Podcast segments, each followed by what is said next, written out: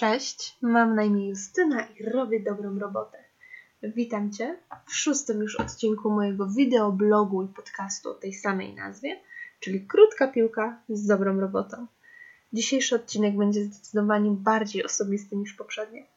Opowiem Ci w nim o siedmiu rzeczach, o których nikt mi nie powiedział, zanim zostałam wirtualną asystentką.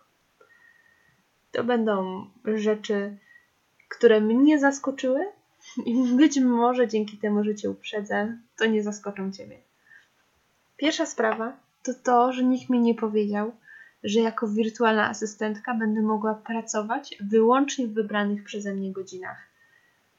Na samym początku straszono mnie, że nie ma opcji, no, no nie da rady, że wirtualna asystentka musi być dostępna w ciągu dnia, że nie ma szans na to, żeby połączyć e, siedzenie w domu z dziećmi Jezus, nienawidzę tego określenia, ale trzymajmy się go, że nie da rady połączyć siedzenia w domu z dziećmi z pracą jako wirtualna asystentka, bo wirtualna asystentka musi być dostępna między godziną 8 a 16. Nieprawda, nie ma czegoś takiego.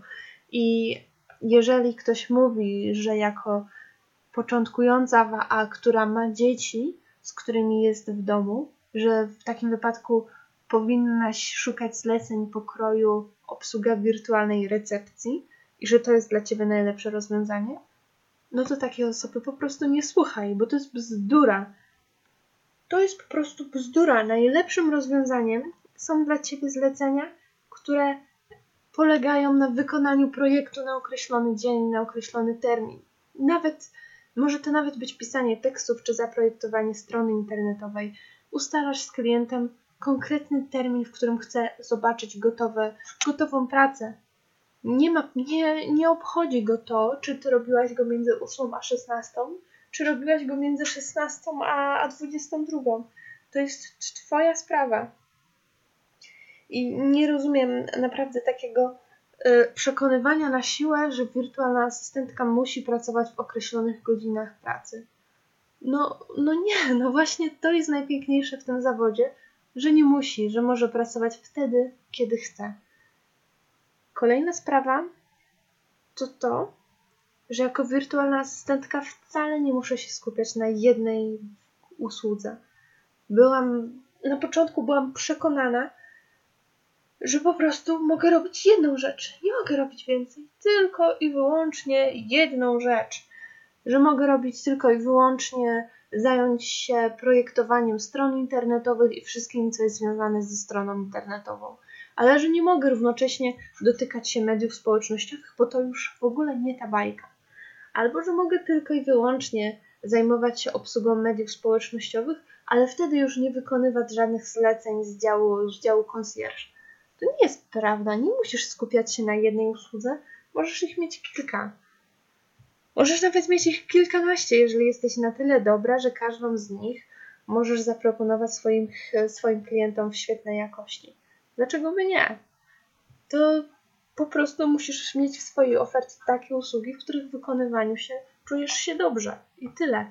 Nikt nie powinien ci określać, jak dużo w rzeczywistości ich będzie. Jasne, łatwiej jest, jest mieć jedną usługę bądź trzy ale jeżeli jesteś świetna w 15 rzeczach i uważasz, że możesz świadczyć usługi wysokiej jakości we wszystkich z tych 15 rzeczy, to co cię hamuje? Dlaczego? Możesz się wyróżniać tym, że masz wiele umiejętności. To też jest w porządku. Kolejna sprawa to to, że nikt nie uprzedził mnie, że na początku wcale nie będę zarabiać albo że będę zarabiać mało. Pamiętam kurs, na którym byłam. E, padło na nim stwierdzenie, że w ciągu trzech miesięcy będę zarabiać średnią krajową. no nie, to tak nie działa.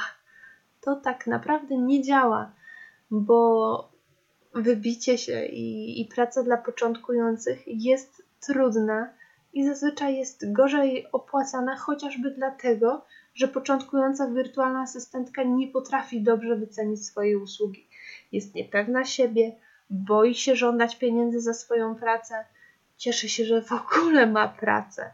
W związku z tym to nie jest wcale tak, że można jednego dnia stwierdzić, że będę wirtualną asystentką, a drugiego dnia mieć świetnie i dobrze płatne zlecenie.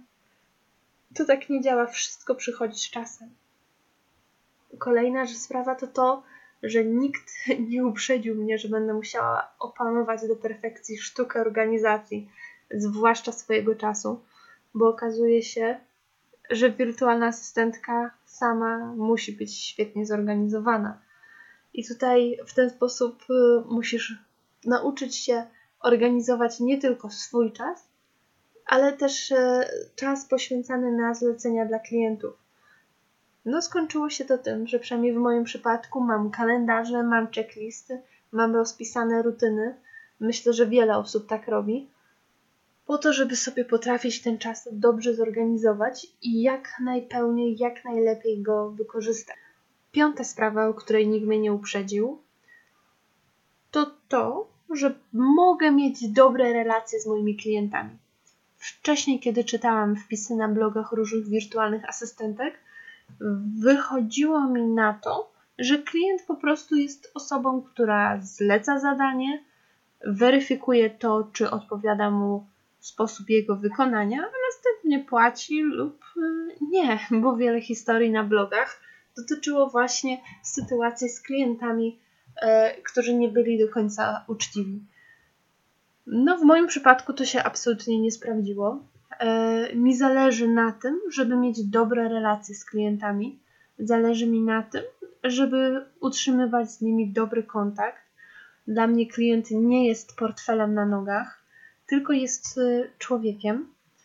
I w związku z tym najczęściej mam z klientami takie relacje, że dzwonią do mnie z okazji urodzin, ja dzwonię do nich z okazji ich uroczystości i można powiedzieć, że łączy nas coś więcej niż tylko i wyłącznie relacja czysto biznesowa. A co za tym idzie, ja mam większą satysfakcję z pracy i po prostu czuję się lepiej z każdym kolejnym wykonanym zadaniem bo okazuje się, że wirtualna asystentka nie może być pozbawiona emocji. Bez emocji można sprzedać chleb w piekarni, ale nie można być czyimś asystentem i oferować wsparcia bez budowania z nim relacji. Szósta sprawa to to, że nikt nie uprzedził mnie, że będzie tak wiele kierunków, w których chciałabym się rozwijać. Wirtualna asysta daje ogromne możliwości. Jest wiele nisz, które można zająć.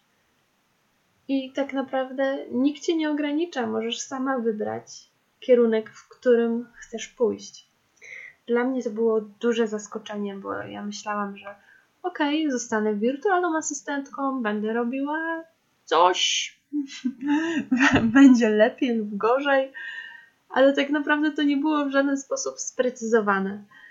I dopiero później życie pokazało, że jest naprawdę dużo rzeczy, którymi chciałabym się zajmować i które chciałabym poznać lepiej. I mimo, że wcześniej na sam dźwięk słowa marketing dostawałam ciarek, to w tej chwili można powiedzieć, że to są zdecydowanie dużo bardziej pozytywne ciarki.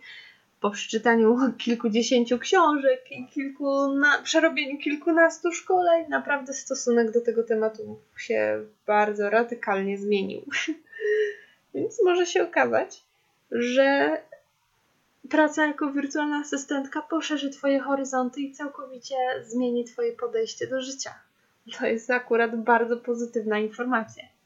I siódma rzecz, e, o której nikt mnie nie uprzedził, to to, że w rzeczywistości będę miała tak bardzo mało czasu na prowadzenie własnego bloga i mediów społecznościowych. Mam wrażenie, że to jest bolączka wielu wirtualnych asystentek, bo lepiej jest się skupić na prowadzeniu e, czyichś mediów społecznościowych czy jakoś bloga. Po prostu na wykonywaniu zleceń. I zazwyczaj e, dbanie o własną, własne miejsce w internecie schodzi gdzieś na dalszy plan i wydaje się być mniej ważne niż po prostu wykonywanie odpłatnych zadań. W rzeczywistości to jest ogromny błąd i, i nie powinno się go, nie powinno się po prostu tak robić powinno się e, zarezerwować odpowiedni czas także na rozwój własnej strony. E, ja skorzystałam z rady, która gdzieś się powtarza i często się pojawia w internecie. Po prostu w dwa dni w tygodniu godzinę poświęcam tylko i wyłącznie zadaniom związanych z rozwojem mojej firmy i mojej marki. I to są te dwie godziny, które są zarezerwowane tylko i wyłącznie na to i zlecenia dla klientów po prostu nie mają wstępu w te dwie godziny. Wiem, łatwiej mówić, dużo trudniej zrobić. To by było na tyle w dzisiejszym odcinku, a w następnym porozmawiamy o tym, jakie powinny być podstawowe umiejętności wirtualnej asystentki i czym ona powinna się wyróżniać. Dzięki, że byłaś ze mną do końca i do usłyszenia.